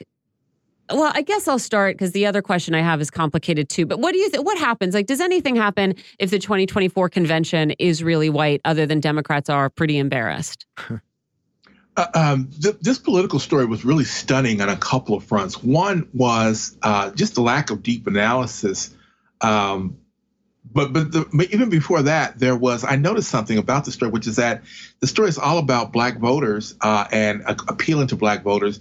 They didn't speak to one black voter. They did not Yeah. interview anybody black to get to get their opinion on you know well what do you think about the Democratic Party right which which which underscores the lack of analysis. And they don't what they don't seem to understand is that even if they do have uh, you know a convention which is represented by black delegates that in in the current mood and this has always been true but it is especially true now this is Barack Obama's true legacy that any black delegates they put up there to champion the Democratic Party is going to be immediately held suspect by I, I can't tell you the, the the exact number of black voters, but a critical mass of black voters will hold them suspect. Right? We have gotten to the point where there is such a class divide in this country, uh, and by which I mean black Democrats who um, uh, support this blue no matter who strategy, which is Mhm. ridiculous. And then blacks who, who say, "What have you done for me? If, if government's not government is like religion. If it's not there to make my life better, what is it there for, right?" And so this split is at an all-time high. Certainly in my lifetime, I'm almost 60 years old, and I've never seen it this divide so wide. Mhm. Uh, I don't know if you guys saw it. There was a a YouTube video of the DNC chair, uh, Jamie, what is his name, out of South Carolina Oh, uh, black guy. He's uh, he has a uh, a meeting at it might have been Jackson State. I can't remember. Mm. Uh, it was a black college I know, and two black women just light into him, call him everything but a child of God. But it's not just this sort of this this sort of scattershot, you know, rage. It is very specific. We need an anti.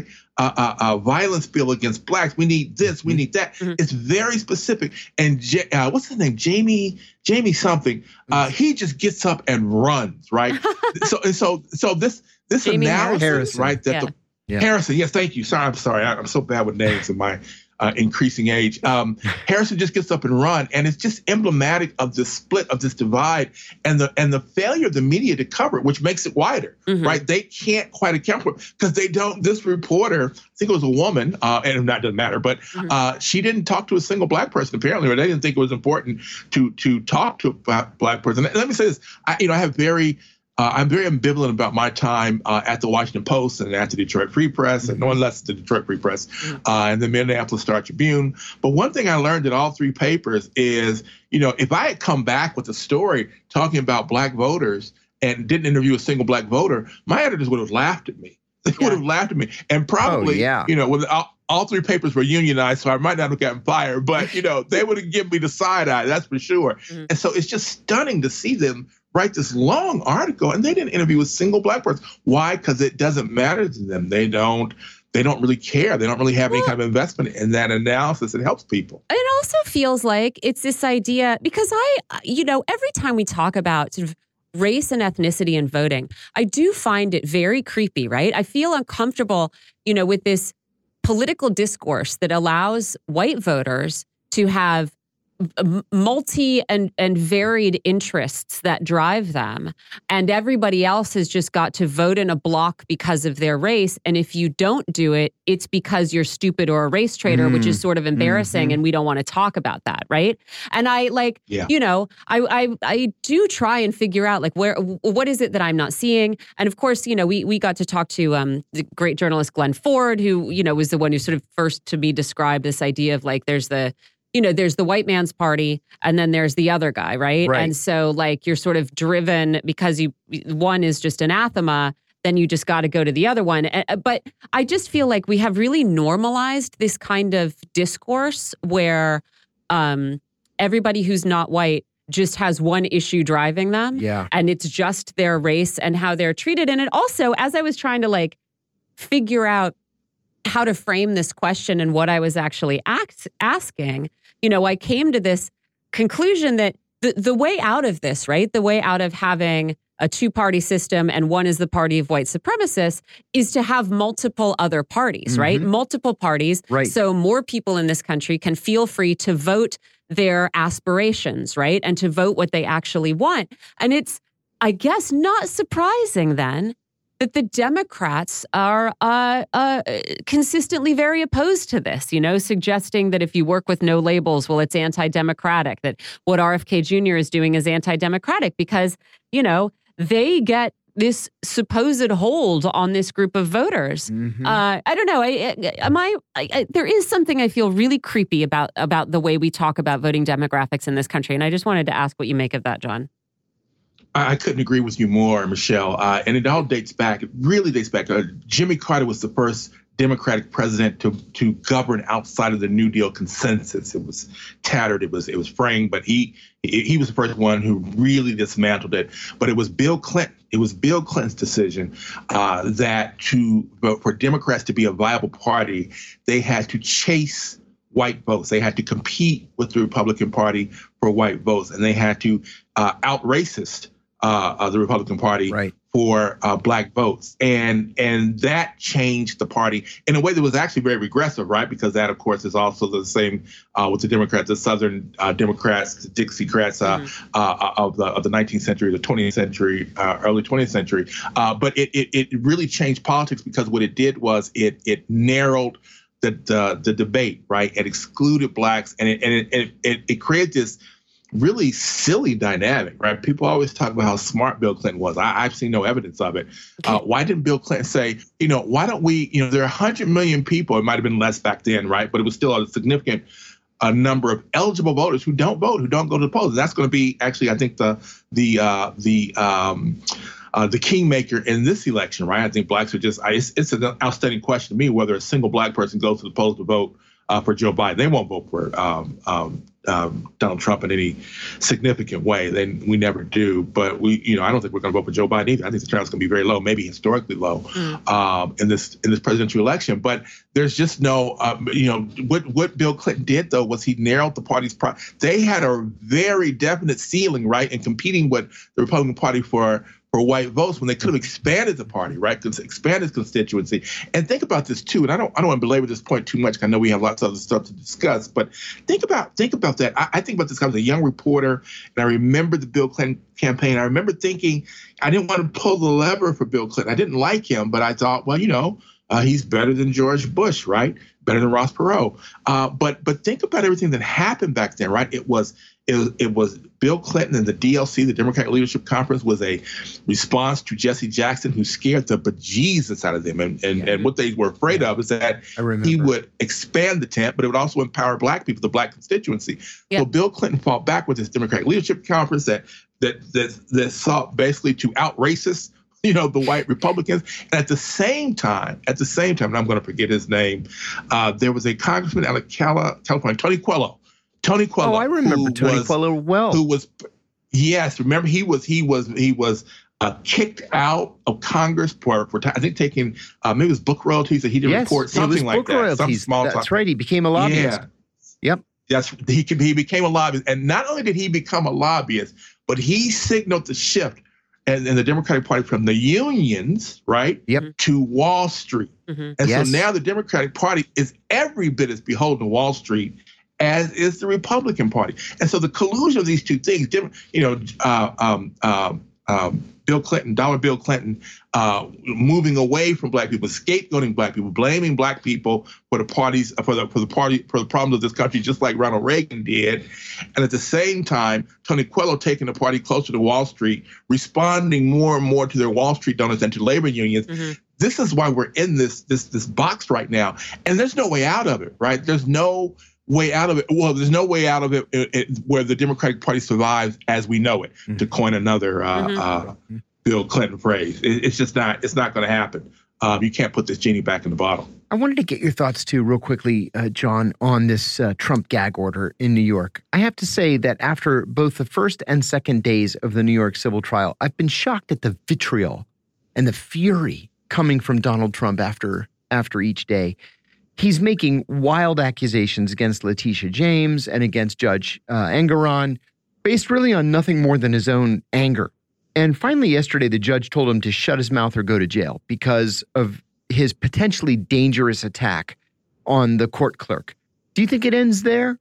Can Trump control himself for the remainder of this trial?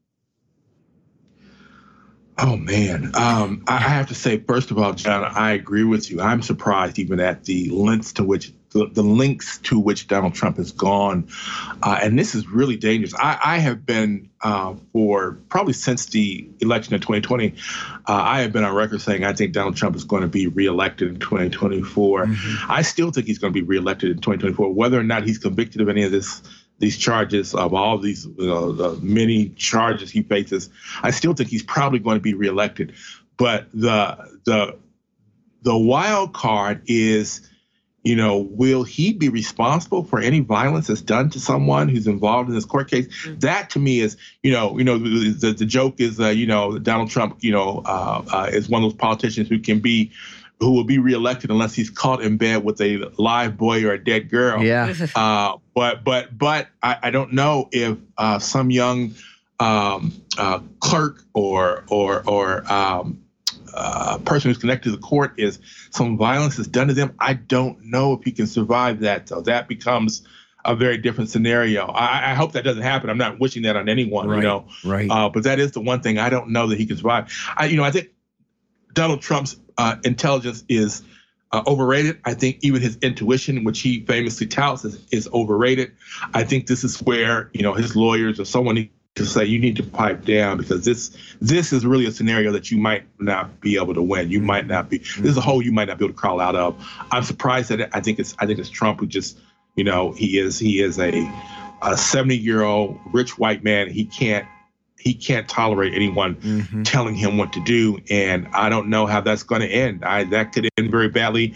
It can end very badly for him, and if it ends badly for him, it's going to end badly for the country. Yeah. So yeah, I don't know where this is going to go. This is the wild card I had not anticipated. Yeah. It does continue to surprise. It's ugly.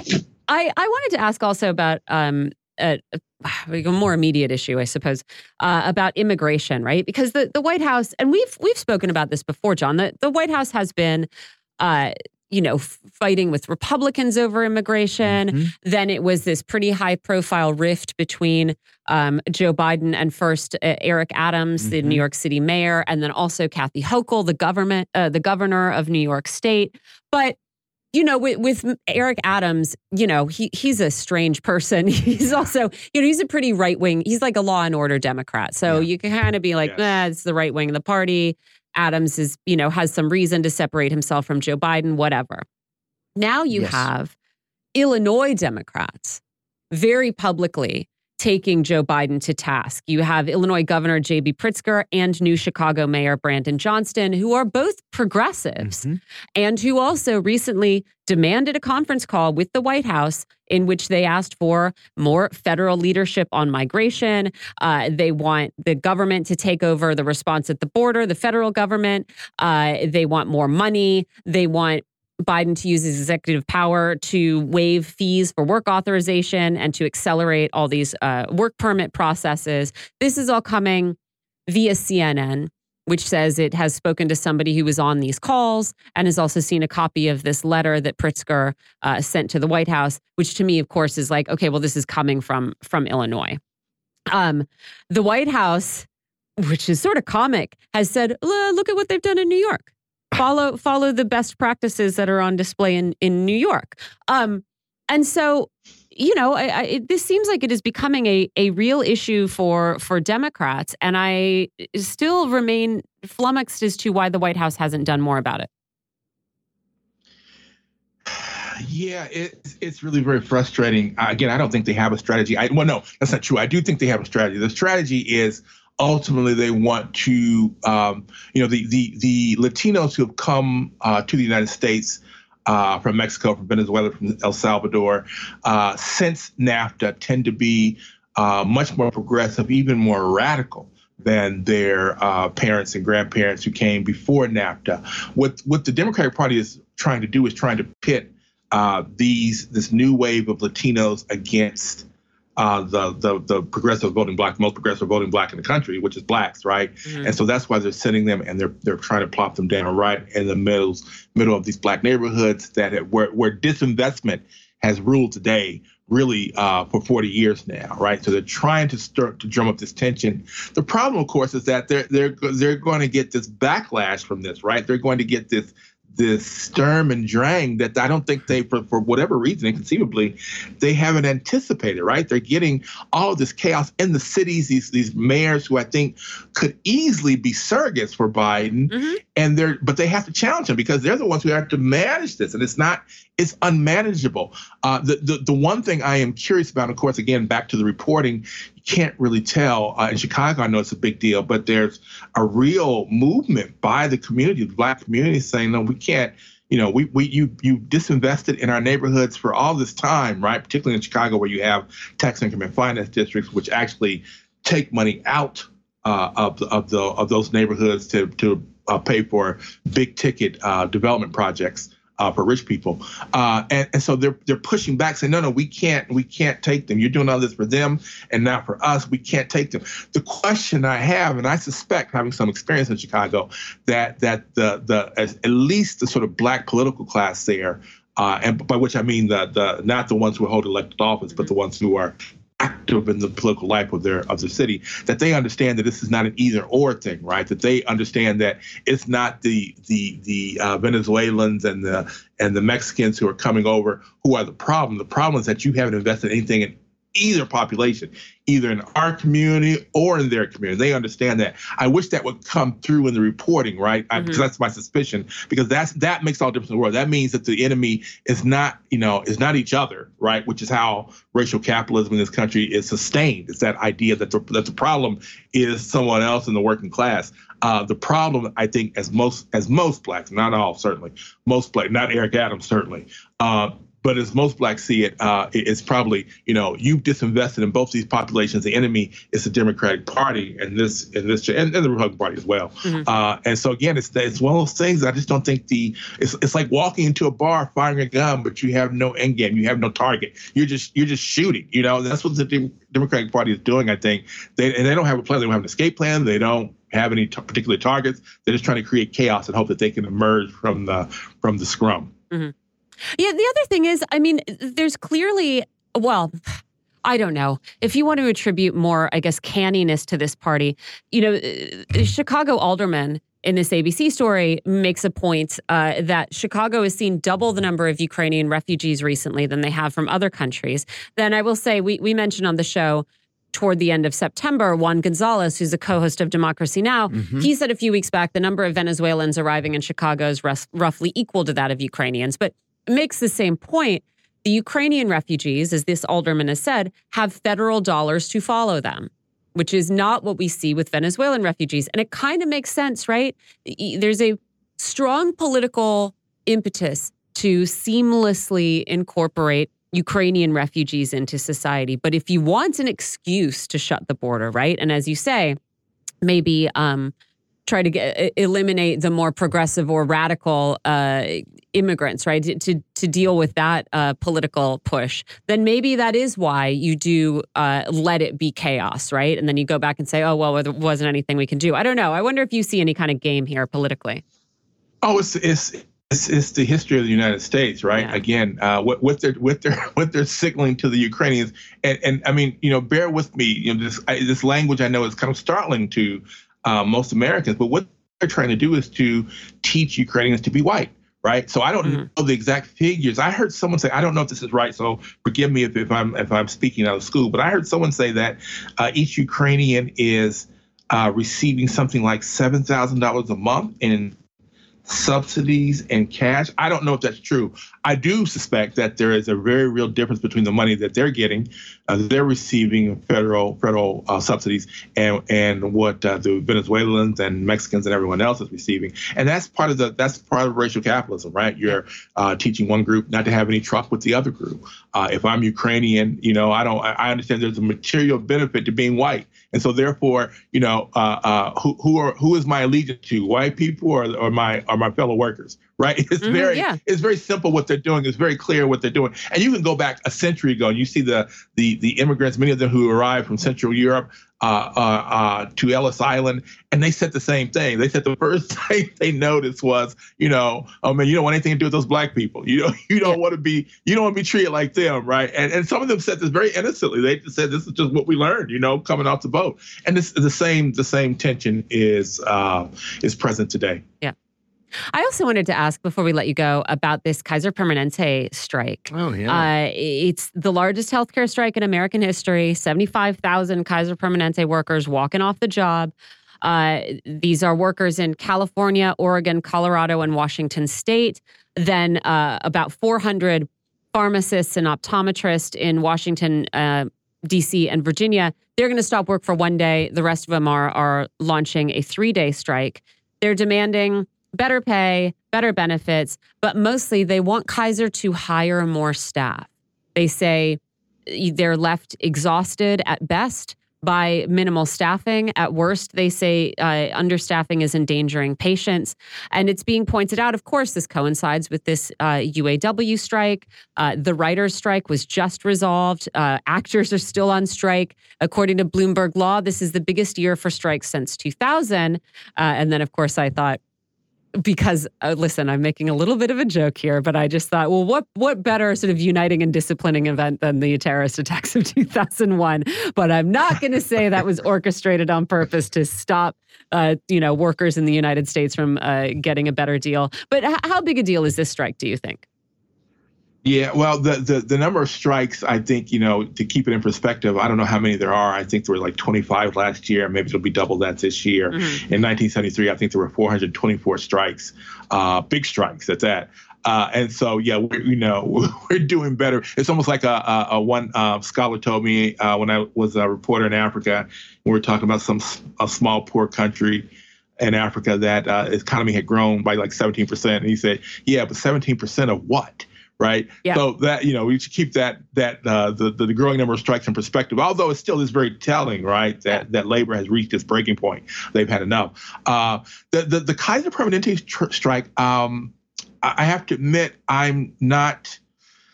I'm not. I wish I had. I wish I could do some reporting on this. I worked for the California Nurses Association in Oakland for about four months. They fired me on May Day because mm-hmm. I suggested that they should pay more attention to the Black and Latino nurses wow. who felt that they were uh, neglected. I, I, guess you could argue that you know uh, I'm sort of like the proverbial hammer to whom every problem looks like a nail. To me, as a 58 year old black man, every problem looks like racism. Uh, although in this case, I was right. Um, but but uh, I, I will say this um, this Kaiser Permanente strike, uh, what I would really love to know is who's driving. In other words, was this something that came from the from the grassroots, from the nurses themselves, saying, mm-hmm. "Look, we got to do this," and the and the leadership. I know RoseAnn DeMoro, who was my boss at the time, has since retired, thankfully, uh, and um, uh, they have new leadership, so maybe they're more responsive to the rank and file. But what I would really like to know is who's driving the strike. Was it the uh, was it the, the, labor leadership that said to them, "Yeah, you know, we, we, don't really have a choice. We have to go on strike." Because this is what I this is what I believe, right? I can't quite prove this uh, from my vantage point now, but this is what I believe. Uh, Kaiser Permanente.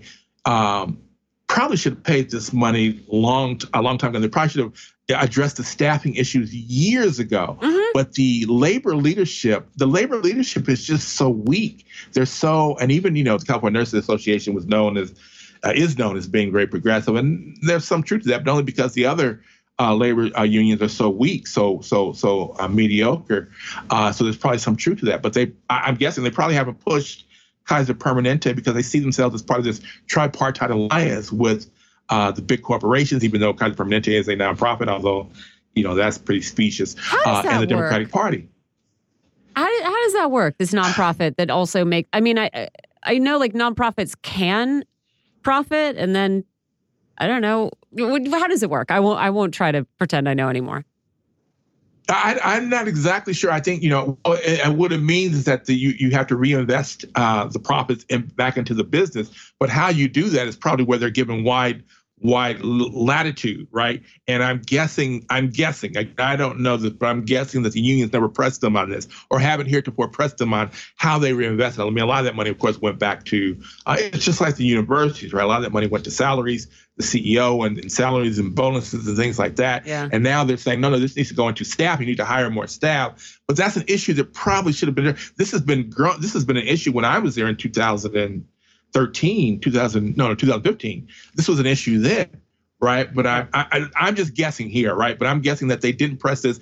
Now it's gotten to the point where labor is just stretched too thin. And this is and this is the thing too. I don't know how Kaiser Permanente can win this, right? Nurses remain very popular, and the idea that we need more staff because it contributes to the public health, right? I don't know. That's that to me seems like an unbeatable narrative. The only way you win against that narrative is if you uh, uh, you can't win against that narrative unless the other side sort of just concede something they don't have to. So this, I think, is uh, uh, could be an inflection point for the healthcare industry um, if if uh, if the unions win the strike, which they they should. They yeah. should. Yeah.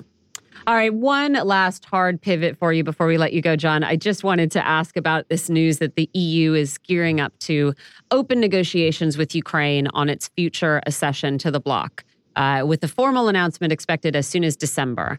According to three diplomats with knowledge of the plans who spoke to Politico, uh, the leadership of the EU is preparing to give Kiev the green light to begin formal talks on joining the bloc by the end of the year. And I just, I also had to point out um, that in order to start talks, and this is still in the Politico story, although down at the very bottom, Ukraine is legally required to meet seven conditions laid out by the Commission, including doing things like curbing corruption and implementing some judicial reforms.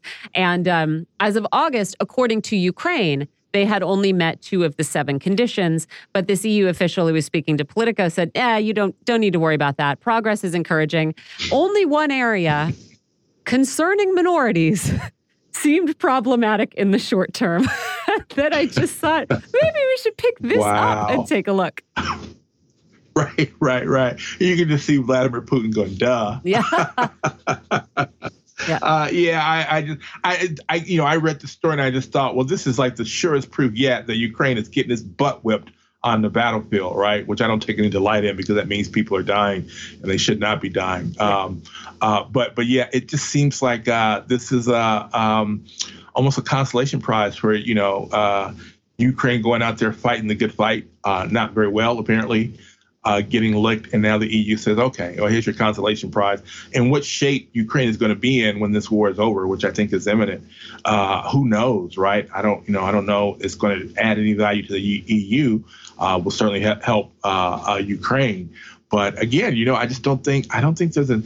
It, it's just it's the Western Empire, right? It's Western imperialism. They just no longer have, they don't have uh, answers to the problems anymore. This is like really an inflection point. You know, you look at what's happening in in in, in Africa and the francophone countries. You know, uh, uh, and and uh, then you see what they're doing with Ukraine. You know, they, they they can talk all they want about Ukraine is winning this war, and they're you know Vladimir Putin is under stress.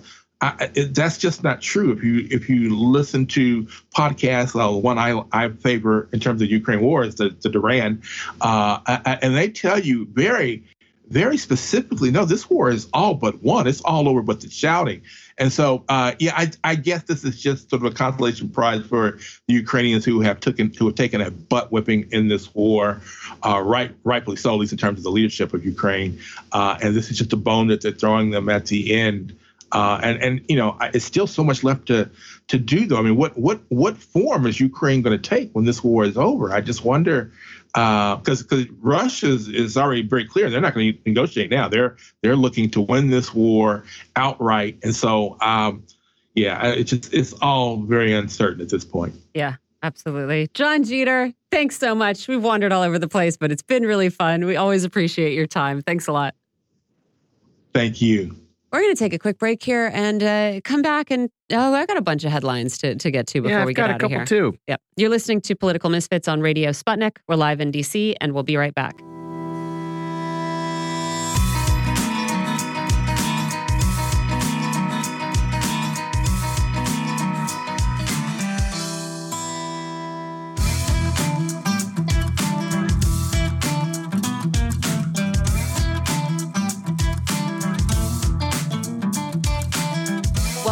To Political Misfits on Radio Sputnik, where we bring you news, politics, and culture without the red and blue treatment. I'm Michelle Witte. I'm here with John Kiriakou. We got all kinds of stories to, Oh, yeah. to talk There's about before we get out of here. One, I'll just say very briefly, uh, could be a new record-breaking wind gust in town. Oh, Yeah, that's this is from cool. this is from uh, Stormwatch, U.S. Stormwatch. Uh, a typhoon has just I just spotted it because it's Taiwan and it's a place in Taiwan that I've been. ah, Uh, typhoon Koinu, the tweet reads, just slammed into Orchid Island, Taiwan, where a wind gust of 213 miles per hour what? was reported. if That's confirmed, this would be one of the top five highest wind gusts ever recorded on Earth wow. sort of uh, exciting. Also, like pretty crummy for Orchid Island, though. It's a sort of smaller outlying island from Taiwan. It's mostly indigenous people there, uh, Aboriginal Taiwanese people.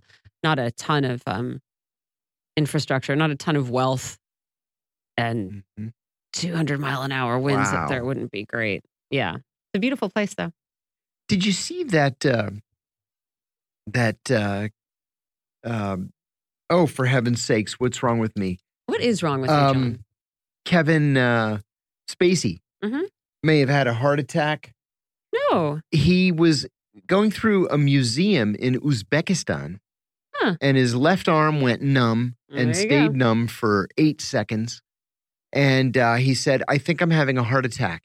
They rushed him to a hospital. They gave him an MRI, and they said, Nah, you're fine. And they let him go. Wow. Yeah. And so he said, uh, at the end of the day, they're what, seven, eight hours ahead of us. Um, he said uh, he actually feels okay, but it made him think about the preciousness of life, blah, blah, blah. Right. So he may or may not have had a heart attack. We'll see. We'll And see if it happens again. Um, I have a question for you. We Mhm. we touched on this at the very beginning of the show, or not the beginning of the show, but before we we came on the air, and it's about this intercept story that is headlined. Uh, Laphonza Butler's Emily's List Right. spends millions on Kamala Harris while laying off grassroots staff.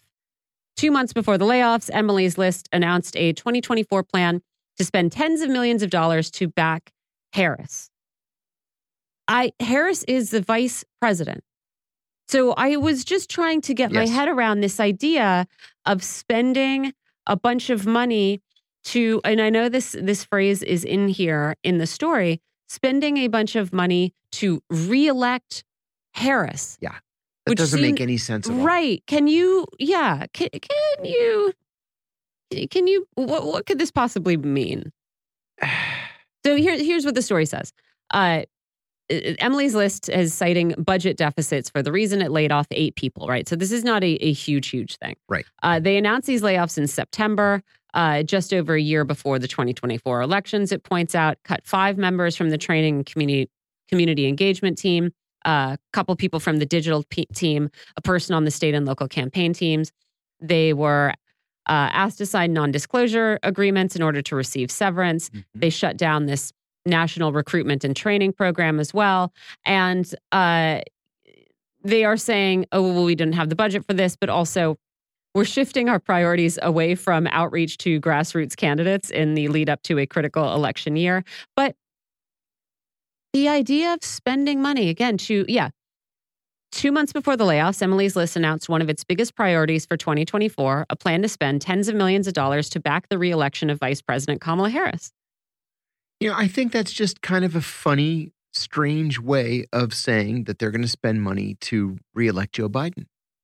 There's no such thing as an independent uh, candidacy for for vice president. That's just not the way our elections work. Some states, you, Yeah. they have they have lieutenant governors running independently of governors, but sorry, not in not in national Yeah. presidential elections. they're it's just not the way it is. We're prioritizing our resources to the efforts most central to the Emily's List mission, electing a diverse group of Democratic pro choice women in targeted seats. Okay, then why are you Yeah. spending any money on? Great. That yeah, I guess they just have to say we're supporting. We're not spending our money to support getting the old white guy reelected president, although he is head of the party. But we're spending money to make sure Kamala Harris stays in the vice presidential right. seat. It because their seems- mandate is to elect women, Democratic women. The Right. problem with Emily's list, and this has become especially bad the last several cycles, Mhm.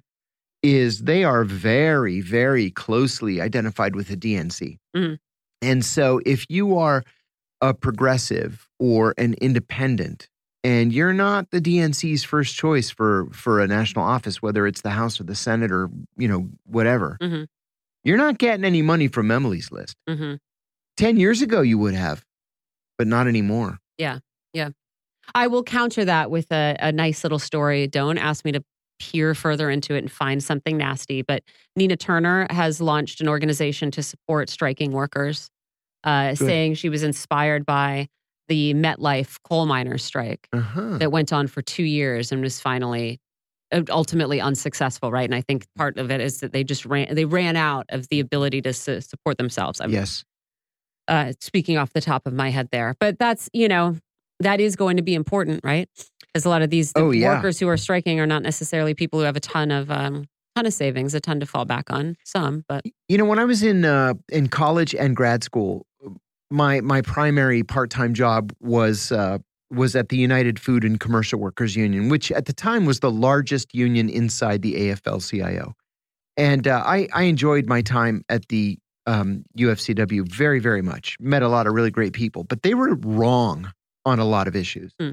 There were um, there were several wildcat strikes at grocery stores in the Midwest while I was there that they just refused to recognize.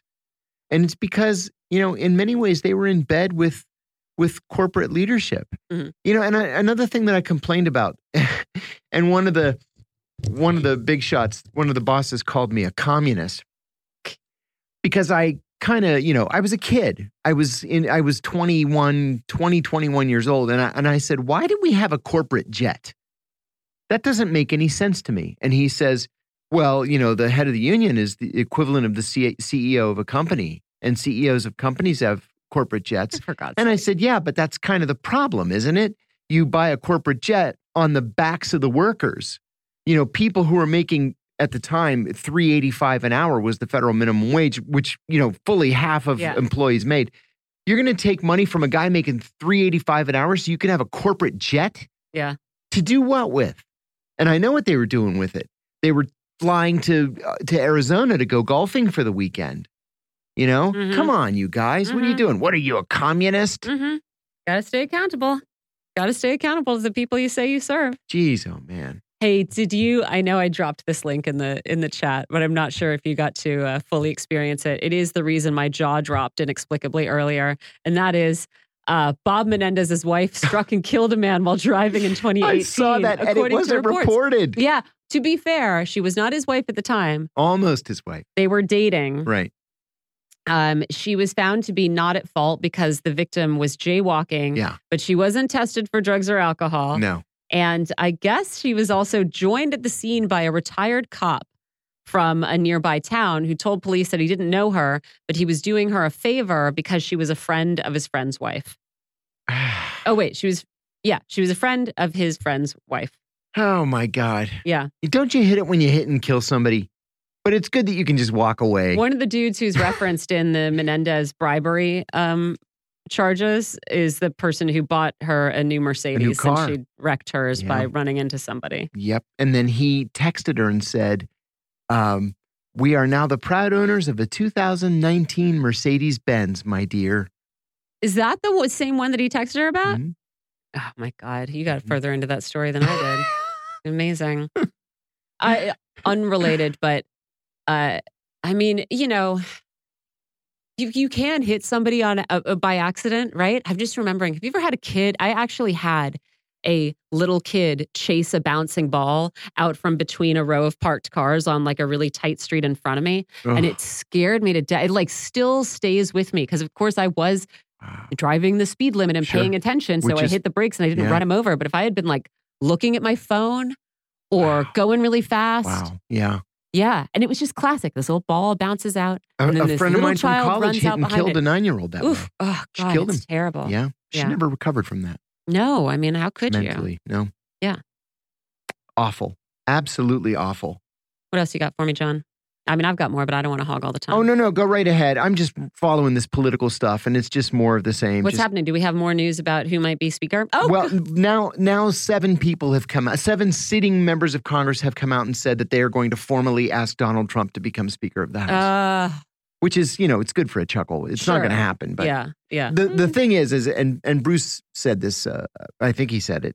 At least he said it to me last night too. Mm. You do not have to be a member of the House of Representatives to be Speaker of the House. There's nothing in the Constitution that no, says yeah, you have to be that. a member Yeah. of Congress. And so it very well could be Donald Trump. It won't because he's, you know, indicted on 91 felony counts around the country. I'm going to be texting you tomorrow, John. Uh-oh. from that dais Oh. where I'm standing with the gavel because I'll have been elected Why not? Speaker of the House. Yeah, exactly. Why not? You're qualified to be Speaker of the House. You know how to manage people. Yeah, I will say I do actually. Uh, I got excited about the this Daily Mail article that uh, says that Commander. So last week we talked about. I think it was just last week when we got uh, the gift of another biting incident Yes. by uh, Commander at the White House. Yes. So it was his um that was supposedly his 11th biting incident, yes. but the Daily Mail says, "Oh no, no. It actually built, bit the White House uh, groundskeeper oh. the day bef- a couple of days before. So Oh. it was in fact his 12th biting incident. And I thought and it says they have pictures, previously unseen photos obtained by the Daily Mail showing this. and I got kind of excited about the story because whatever, it is a fun little sideshow. The uh, completely untrained German shepherds running around the White House. However, I have to say, I'm looking at these pictures that were apparently taken by someone who is in the White House gift shop and just sort of taking pictures of the. She saw the dog and was just taking pictures of the dog. She says next best thing to seeing the president, which is sort of a backhanded compliment.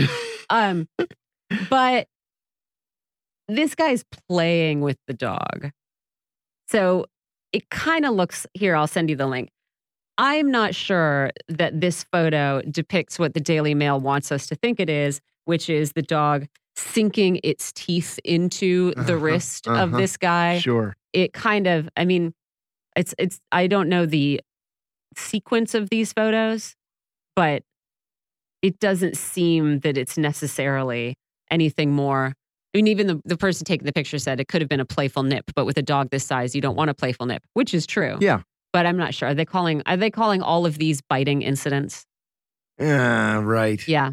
I don't care though, because it ever- made me laugh. Did I ever tell you the story when I was in grad school? I used to walk to Capitol Hill uh, for my classes, and I was walking past the White House one day, and I saw a Secret Service agent um, holding uh, Reagan's dog on a leash, and the dog was uh, going to the bathroom. And I was like, "Oh, that's Reagan's dog. It's a famous dog, right? You Yeah. see it on TV."